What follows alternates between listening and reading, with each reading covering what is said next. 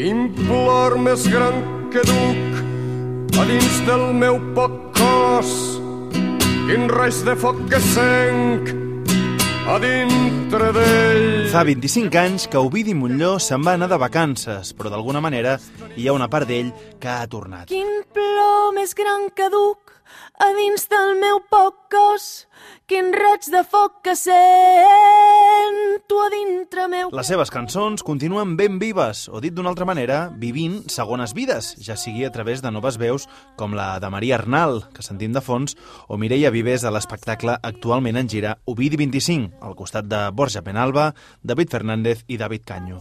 Molt tard, però en els últims anys, s'ha parlat de les cançons de l'Ovidi i també, en part, de la seva faceta d'actor. En canvi, potser és més desconeguda la seva vessant de melòman. Vaig, vaig comprar el darrer disc de, de Brel a França i jo no em vull comprar el Brel.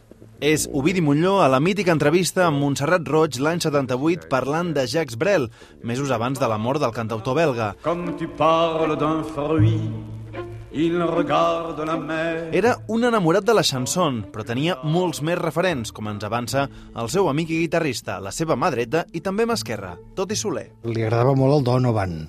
Li vaig passar uns discos del Donovan. Eh, ara ell era un enamorat del Leo Ferrer per sobre de tot. Eh?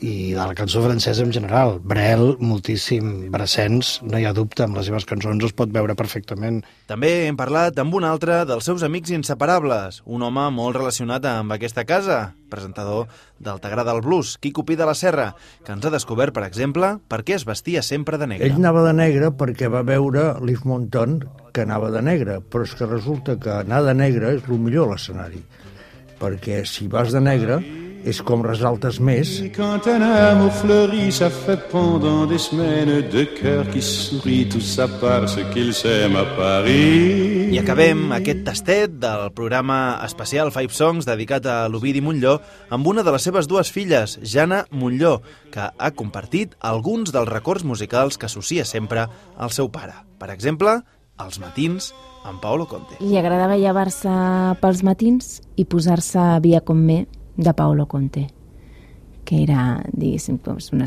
bueno, és una cançó molt simpàtica que la veritat que ho recomano, eh? Jo ho faig per llevar-me Via con me i, i t'arregla bastant el dia. It's wonderful, it's wonderful,